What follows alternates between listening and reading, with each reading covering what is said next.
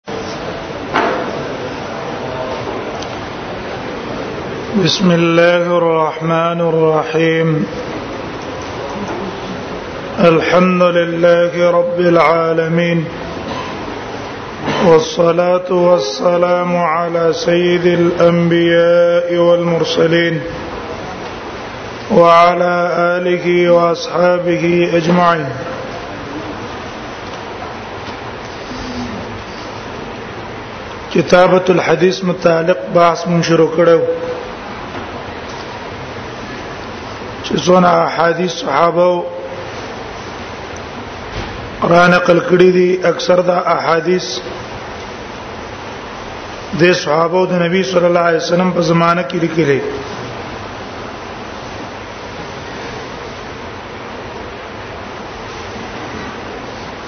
د هغه لپاره مو مثالونه خو دا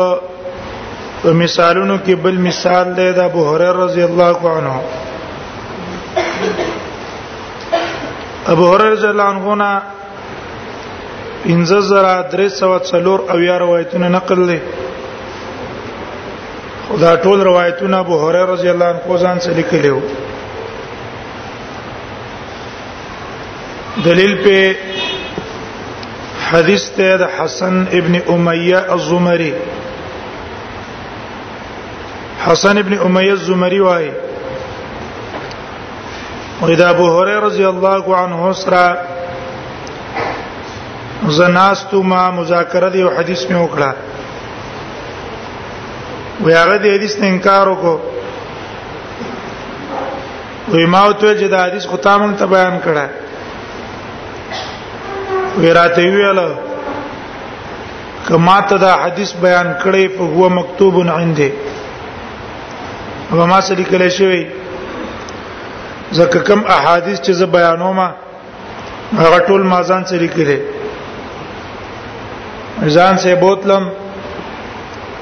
او کاپي راواغستله پای کې دا حدیث سترو خطو ویراته ویل چې ما ته ویلو که ما ته د حدیث بیان کړی نو دا په کاپي کې موجود دی بس دا ما سره موجود دی ما ته بیان کړی ابو هرره ځان کو دا ځان سری کړو ان کوم روایت کې چې راځي بخاری روایت کې چې ما با لیکل نکول او عمرو بن العاص په لیکل کول فانه کان یكتب ولا اكتب مظاهر کدا حدیث د دې حدیث د عمرو بن امیه زمری سره معارض ده علما تطبیق کړی دی چې ابو هرره جلان خو دا لیکل رستو کړي هغه وخت کې لیکل نو کړي به رستو د ځان څخه ولیکل دغه صحیفو کې مکتوب السمر لابنائه سمره رضی الله عنه هغه خپل ځامنو د پاره احادیث لیکلي په یو ځای کې او د دغه کتاب نه په مسند بازار کې سل احادیث نقل لري امام ابو داود رحمه الله د دغه رساله د سمورنا شپږ احادیث راوړي په مختلف ابوابو کې او د ټولو سند یو ده روایتونه مختلف دي په مختلف ابوابو کې سند یو ده او ابن سیرین د دې رساله بارک وای ان الرساله التي كتب على سمره وی هغه رساله چې سموره د خپل ځامنو لپاره لیکلې و یوجد فيها علم كثير پاک ډیر علوم په دې صحیفو کې یو صحیفه وا د عمرو ابن حزم نبی صلی الله علیه وسلم په خپل ول لیکلی وا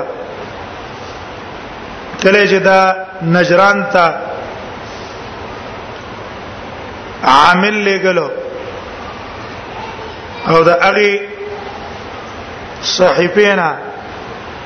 په دې کتب السنن کې اقتباسات شته احکام دا غنه راغستې دي دا غنه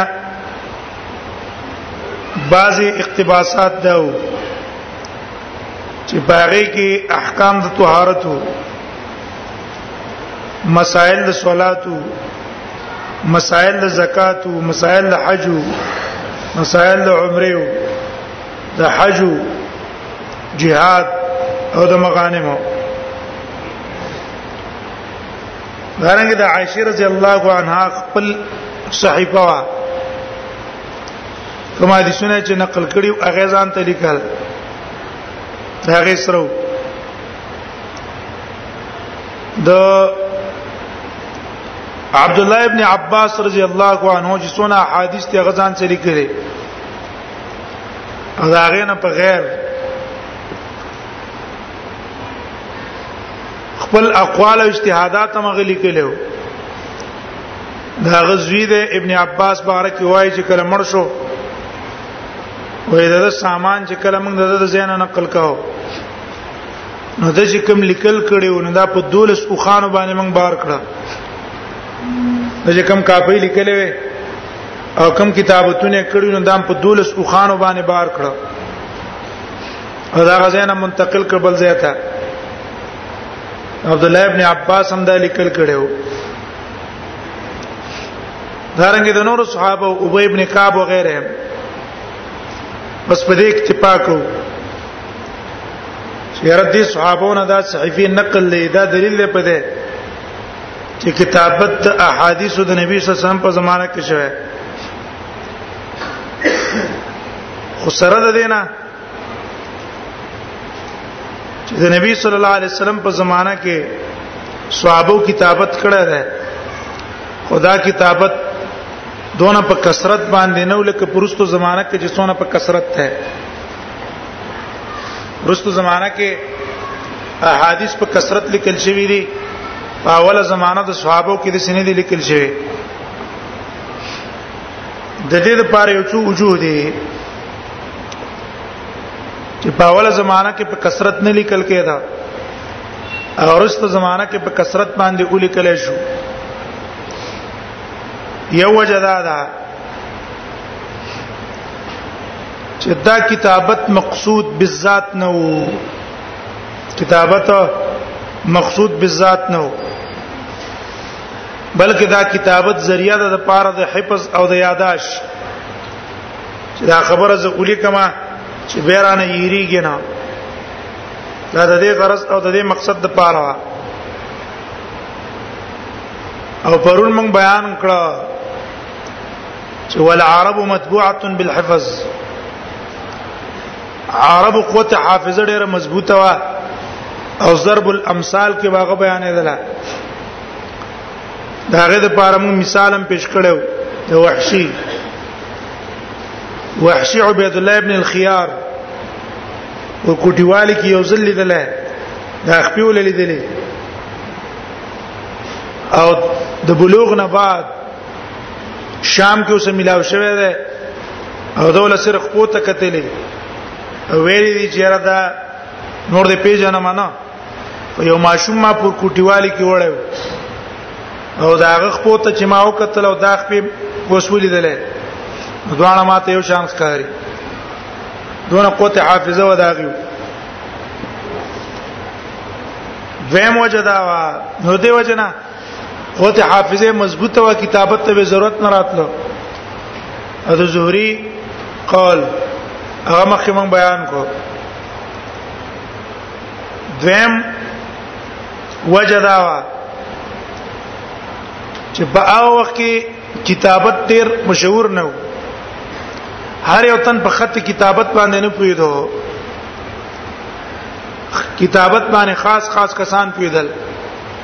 دیو جن څوک په کتابت پیدل هغه لیکل کول او چې چاله کتابت نه ورتلو نو هغه بس په ضبط باندې زور اچو دریم وجه اصل کې دا وا چې من راغلی وا منع نبی صلی الله علیه وسلم اول کې منع د کتابت نه کړي وا دلیل پر روایت ته ابي سعيد الخدري ده مرفوع روایت ته چې رسول الله صلی الله علیه وسلم فرمایلی دي ولا تكتبوا عني غير القران لا تكتبوا عني غير القران القران نه بغیر بل شي زمانه نه لیکي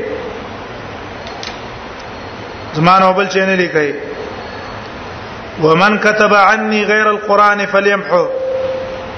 او د قران نه بغیر چې بل شي چا اولی کلو هغه دی وران کی دا روایت امام مسلم راوړل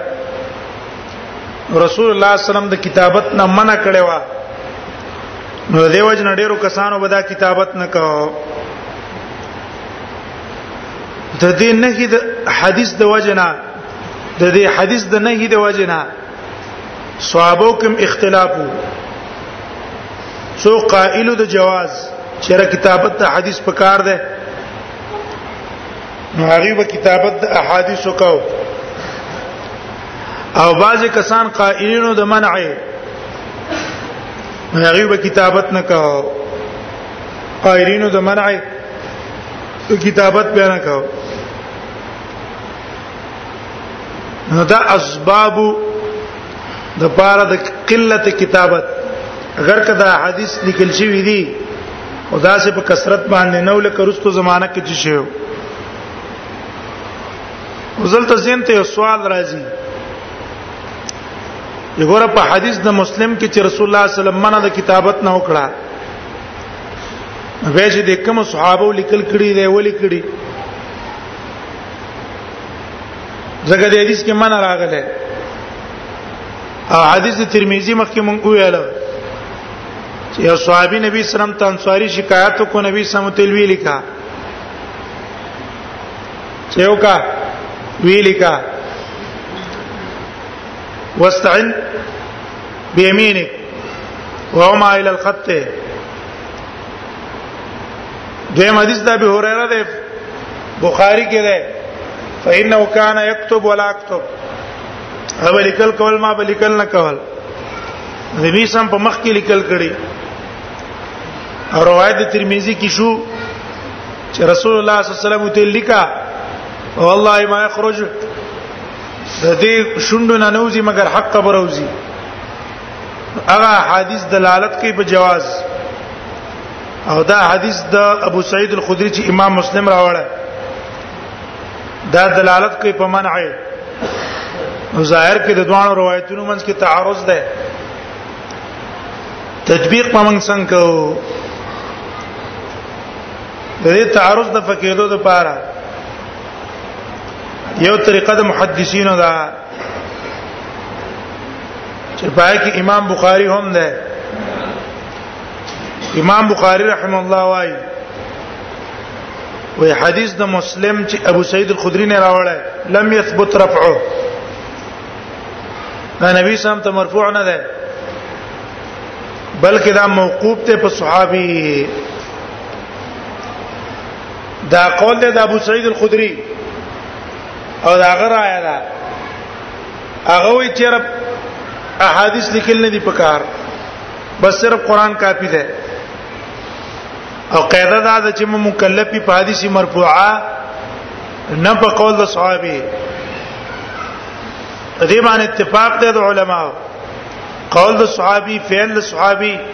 مخالف راشد حدیث مرفوعنا نو قول او فعل د صحابي له بیت اعتبار نه بلکې اعتبار با حدیث مرفوع علی اکلا حدیث مرفوع نه مخالفت هم نشتا او صحابي او قول کړی دی یا یو فعل کړی دی او د دلایل د شرع څخه خلاف هم نه دی په هغه ټیم کې به سید سړی په استدلال کوي بیا په هغه ټیم کې حجت ګرځي لیکن کله چې پوره مخالفي حدیث مرفوعه مخالفي الته اعتبار ولا نه دیو جن وای دا حدیث دا به سید الخدری مخالف ته دا حدیث را مرفوع او سره دل اعتبار نشته دا جواب دی محدثانه دا جواب حدثانه ده دویم جواب علماو دا کړه چې دا منع وختي وا اول کې منع وا بیا وروسته دا منع منسوخه شوه دا او منع وختي هغه داوا چې خطر واسنه چې قران او حديث په چا باندې مشتبه نشي خشیت التباس القرآن بالحديث قرآن او حدیث په پوره سړی پیژنې نه نو چرته قرآن او حدیث دواړه یو بل څخه خلط او ګډوډ نه کې د دې خوف او د خطرې د وجنه رسول الله صلی الله علیه وسلم امر وکړو چې ورانه کوي کله چې دا خطر ختم شو او صحابه ته د قران او د حدیث منځ کې فرق معلوم شو رسول الله صلی الله علیه وسلم بیرستو اجازه ورکړه به کتابت الحدیث په حدیثو د جواز کې دریم جواب چا دا کړه دریم جواب چې احادیث د منع محمول دي هغه صورت باندې چې قران او حدیث دواړه په یو ځای کې ولیکي دواړه په یو ځای باندې ولیکي نو پاغي کې منع ده او که حدیث ځان للیکي جدا قران ځان للیکي جدا پکې څه معنات نشته چې منع کړی دا دا د دې صورت نه معنا کړي چې په یو ځای به لیکي نه دلیل په همدغه حدیث نه ده لا تكتب عني غير القران زمانہ په صرف قران لیکي په یو ځای کې او د قران نه په غیر د قران څخه چا لیکل کړي وي هغه د قران کې دا شو لیکن دا اختلاف چې موږ بیان کو د جواز د کتابت او د عدم جواز د کتابت دا ځین کې کینه وای دا اختلاف په سلفو کې وو دا اختلاف چرته وو دا په سلفو کې وو بیا د عمر ابن عمر ابن عبد العزيز په زمانہ کې عمر ابن عبد العزيز په زمانہ کې د ټولو علما اجماع رااله په کتابت باندې چې کتابت بالکل جائز ده و دې کې څو مانات نشتا اجماع رااله صرف اختلاف ته پس کې په استحباب کې یا په وجوب کې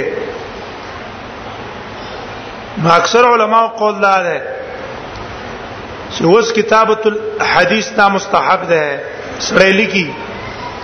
در پاره چې خو ته یاد شي حافظ ابن حجر وايي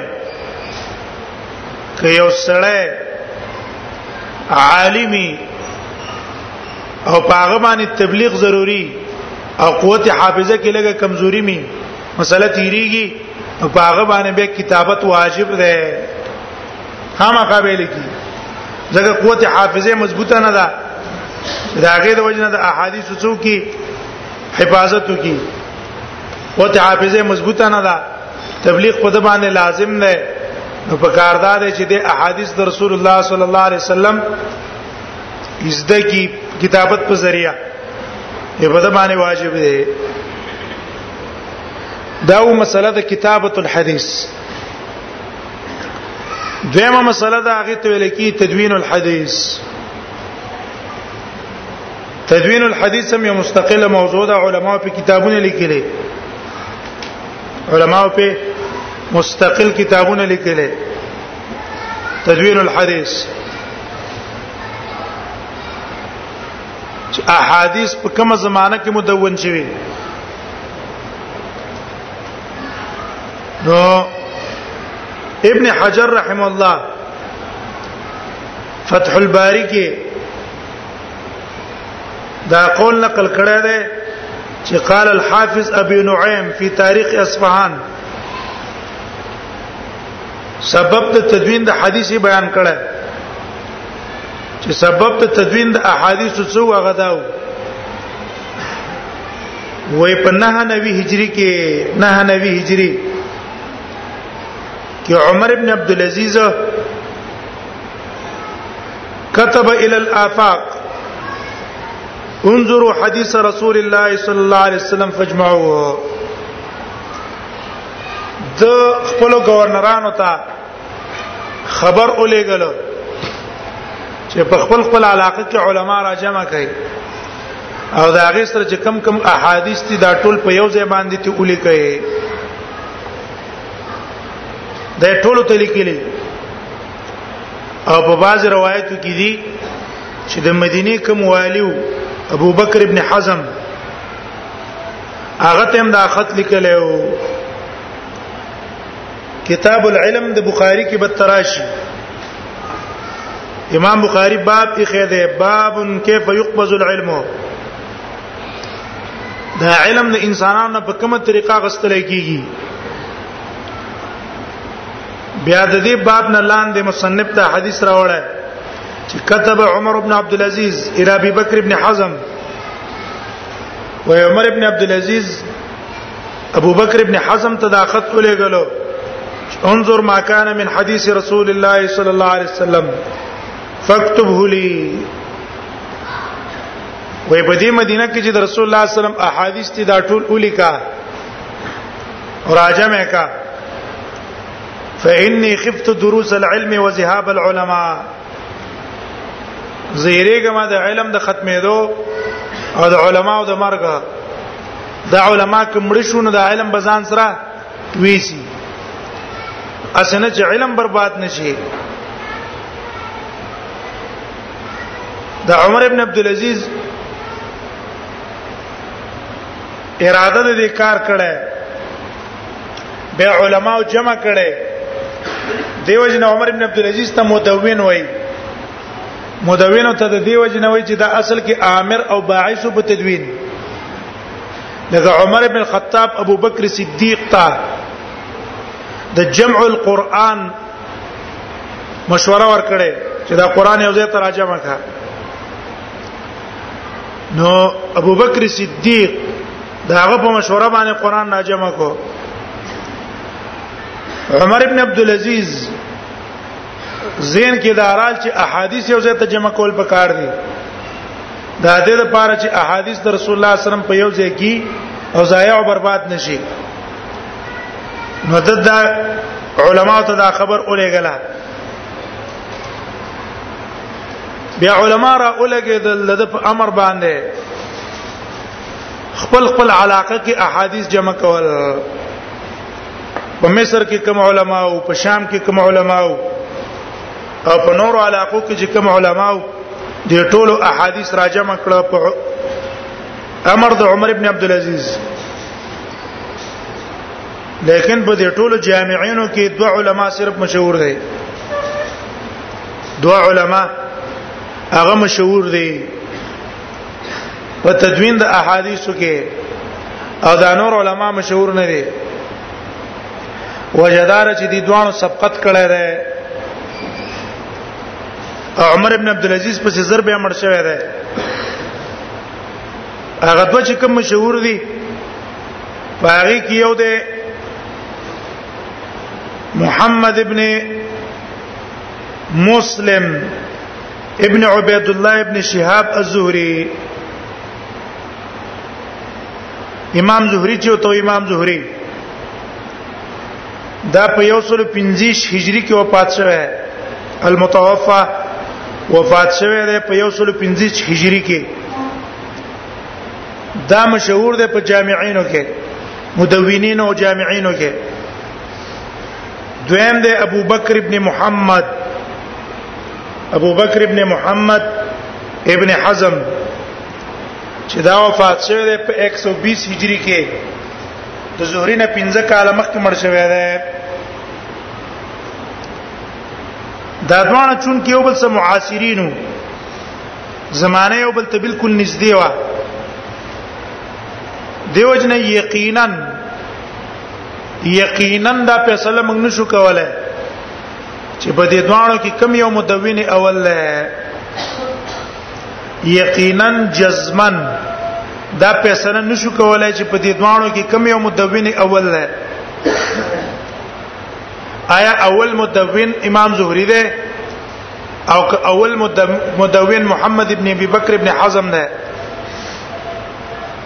دیو جن د علماو اختلاف ده چې مدون اول کم یو ده او د دې اختلاف سبب ما د تویل چې معاصرت ته دا ځوان معاصرینو زمانه یو بل ته قریب وا او ځوان اصل کې جمع کړي یو قول د امام مالک او د ابن حجر او د امام سیوطی و غیرهم دی وای چې راجح دا ده چې مدون اول دا ابن شهاب الزهري ده راجح دا ده چې په دې دوانو کې اول مدون ابن شهاب الزهري ده دا دې رائے ده دویم رائے د امام بخاری ده او د نور علماو ده دی وینا چې په دې دوانو کې اول مدون ابو بکر ابن حزم نه او د امام بخاری میلان دی خبره ته دینه معلومیږي چې امام بخاری په خپل جامع کې د تدوین متعلق صرف نوم د محمد ابن ابي بکر ابن حزم ذکر کړی دی د ابن شهاب زهري نه ذکر کړی اکتفا کړی د محمد ابن ابي بکر ابن حزم باندې زهري نه دی ذکر کړی نو د د رای نه دا معلومیږي چې مدون اول محمد ابن ابي بکر ابن حزم دی لیکن په دې دوه قولونو کې اولنې قول چې د جمهور قول دی هغه راجح دی او د امام بخاری قول په دې کې راجح نه ده وجد رجحان ادا ده ابن عبد البر سے په تمهید کې وایي ابن عبد البر سے هغه په تمهید کې وایي د امام مالک نه قول نقل کړه ان عمر ابن عبد العزيز مات قبل ان يرسل ابو بكر بن حزم اليه بما جمع من الاحاديث عمر ابن عبد العزيز چې کله د مدینه گورنر ته حکم وکړو چې ته احادیث راجمه کا چې کله هغه احادیث راجمه کړو د عمر ابن عبد العزيز ته د لیکلو لګلو نه مخکې مخکې ست عمر ابن عبد العزيز مر شو نو د چې کوم دستاویزات جمع کړي کوم دستاویزات احادیث د جمع کړه نو عمر ابن عبد العزيز ته لالي غلي نو چې عمر عبد العزيز ته مړ شو او د زهري په باره کې ابن عبد البر سے په جامع بیان العلم ابن عبد البر صاحب جامع بیان العلم واهله باغی کې د زهري قول نقل کړه چې زهري وایي لما امرنا عمر بن عبد العزيز لما امرنا عمر بن عبد العزيز بجمع الاحاديث و عمر ابن عبد العزيز چې موږ ته کله حکم وکړو چې تاسو حدیث راجمه کړئ نو موږ څه وکړو فكتبناها دفترا دفترا وارسلناه اليه موږ دا په کاپو کاپو جمع کړه بیل بیل هم څوکړه بیل بیل هم ولیکل او عمر ابن عبد العزيز تم اورولېګل دا دوه اقوال چې راجمه کې د تمهید کې چې کوم قول کړي هغه راجمه کې او جامع بیان العلم واهله یا وفضله دا چې راجمه کې نو د دې دوه دلالت کوي په دې چې ابوبکر لیکلي دي عمر عبد العزيز ته نه دي لیکلي لیدلې نه دي او زهري لیکلی دی عمر ابن العزيز ته ور لیکلی دی عمر ابن عبد العزيز کتلم دی نو دا دلالت کوي په دې چې مدون اول څوک دی دا مدون اول دا امام زهري دی دا مدون اول شو مدون ثانی به محمد ابن ابي بکر ابن حزم ده اول کې من خبره وکړه چې دواړه معاصرین دي علی الجزم والیقین موږ نشو ویلای صرف ترجیح په صورت باندې وایو خبره زین کې کی کینوي زین ته دا سوال لازم چې ګور دلته مونږ ویل چې مدون اول یا ابو محمد ابن ابي بکر ده او یا امام زهري ده نګوره په کتابونو کې خدا لقب د شعبي سم لګيږي شعبي عامر ابن شراحيل هغه ته مدون اول وایي هغه تم سوی مدون اول وایي او حال لا ده چې شعبي د زهري نه مشر ده مشر ده وجدا د شعبي پیدا شوه ده په ولسم هجری کې شعبي چې شراحيل ابن عمر ته وي عامر ابن شراحيل ته وي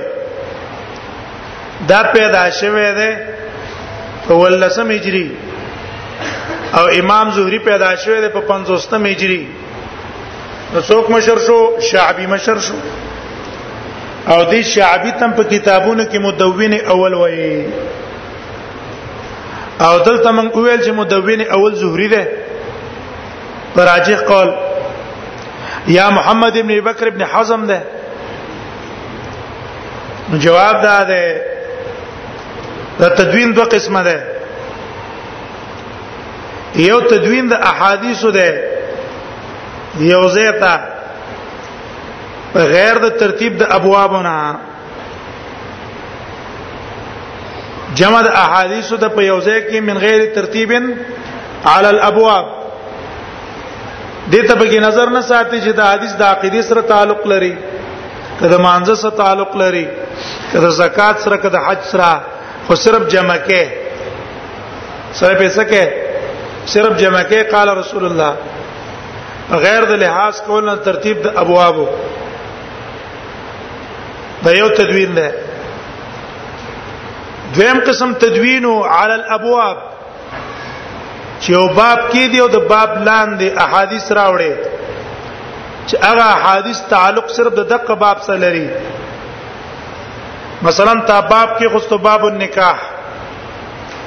اوس په دې باب النکاح کې هغه حدیث راوړي چې کوم د نکاح سره تعلق لري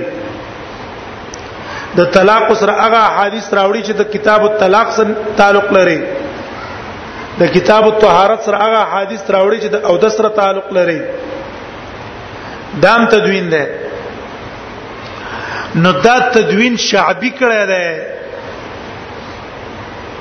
دا تدوین چا کړه شعبی د شعبی نه مخکې احادیث بغړ وړو غړ وړ محدث به حدیث بیانو نو دا عقیده سره متعلق به حدیث بیان کو نو بل حدیث به سم دواره بیان کو به دا د سره تعلق بل به بیان کو د نکاح سره به تعلق بل به بیان کو د جهاد او د خلافت سره به تعلق ابواب مرتب نه شعبی را اولګېدل او احادیث مرتب کو په یو باب په یو باب په یو مضمون او د طلاق متعلق یو کتاب ولیکل او وی ویل هاذا باب من الطلاق جسیم هاذا باب من الطلاق جسیم ودا د طلاق متعلق یو باب دی ډېر غټ احادیث ته بده کې نو دا تدوین اول شعبي کړه دی د دیو جن ته څوي اول مدون وای لیکن ټول احادیث یو ځای تنو جمع کړي او زهري را لګیدل دی زهري او محمد ابن ابي بکر اغي را لګیدلی دا جمع کړی دا د احادیثو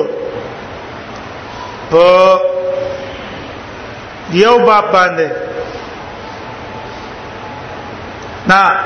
دی جمع د احادیث کړه د په یو ځای کې اگر کده هر ابواب سره تعلق لري یو ځای ته ټول حدیث را جمع کړي درېمه مرحله د تدوین ده هغه ده چې د زهري او د محمد ابن ابي بکر د تدوین نه بعد احادیث په یو ځای کې جمع او کې صحیح او کې ضعیف به که حسن به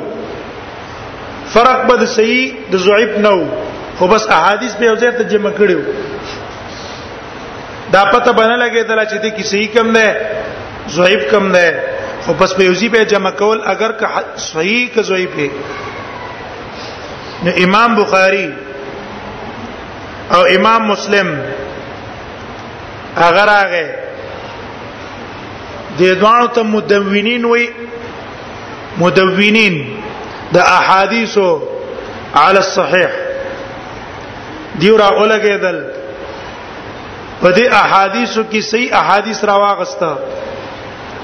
او بخاری اولی کلا او امام مسلم د امام بخاری شاګردی کړي وا امام مسلم هم داغه په طریقه لاړو او هغه کتاب اولی کو په صحیح احادیثو چې زب په دې کتاب کې بس صحیح احادیث پر اورم د ابواب او د مسائل متعلق او ضعیف احادیث ته بزما ضرورت نه دته ویل کیږي تدوین علی الاحاديث الصحيحه دا شرف او رتبه الله امام بخاری او امام مسلم ته ورکړه او بیرستو کسان پاغي پسې ور روان حاصل خبره دا شو طبقات المدونین چې د مدونینو طبقات درې دي اوله مرحله التدوين على الاطلاق التدوين على الاطلاق حاصل خبره دا شو چې طبقات ته مدونین درې شو اوله مرحله التدوين على الاطلاق تدوين على الاطلاق معنا دا شو چې د محدثینو به احادیث را جمع کول راجم کول متفق چې ارڅ ترتیب باندې به خو چې حدیث به لیکلو به په غیر د ترتیب نه علی عنوان الابواب د ابواب او د کتب د عنوانو لحاظ په کنه له ساتله دا لحاظ نه کو دیمه مرحله هغه وا په وسط قرن الثاني چې هغه تدوین دی علی الابواب چې دی احادیث راجمه کړه علی ترتیب الابواب او په دې کې مشهور مدونین ابن جریج دی ابن جریج نومي عبد الملک ابن عبد العزيز ابن جريج ده ابن جريج خپل نوم ده عبد الملک ابن عبد العزيز ابن جريج دویم په دې مدونینو کې هشام ابن بشیر الواسطی ده هشام ابن بشیر الواسطی دریم ده معمر ابن راشد الیمنی او په دې کې امام مالک هم د موطا د امام مالک لیکل او په دې کې عبد الله ابن المبارک هم ده درېمه مرحله ده التدوين على الصحاح التدوين على الصحاح احاديث لیکلي دي صحیح په کتاب کې صحیح احادیث راجم کړي ضعیف او معلول کمزور روایتونه پرخي دته لکیات تدوین علی الصحاح نو صحیح حدیث جدا کړي د ضعیف نه دا په اوائل القرن الثالث د درې مهجری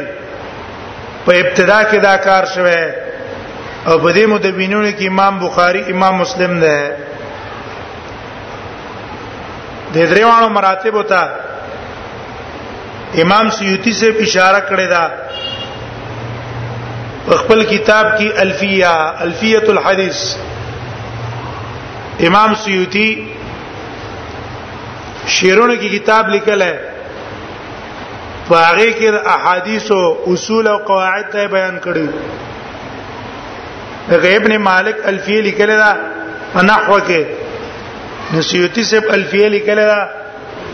زر اشعار دی پکې لیکل په څه کې متعلق د احادیث او د اصول او د قواعد نو هغه وايي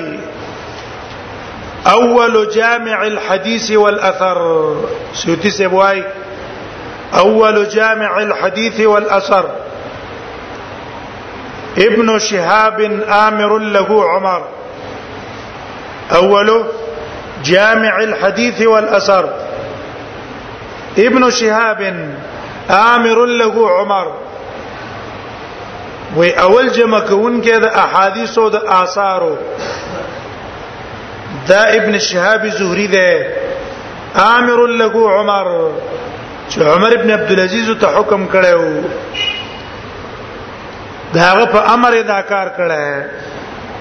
نو عمر ابن عبد العزيز ته چې مدون وای نو دا د دې وجنه چې امر یې کړه واول جامع للابواب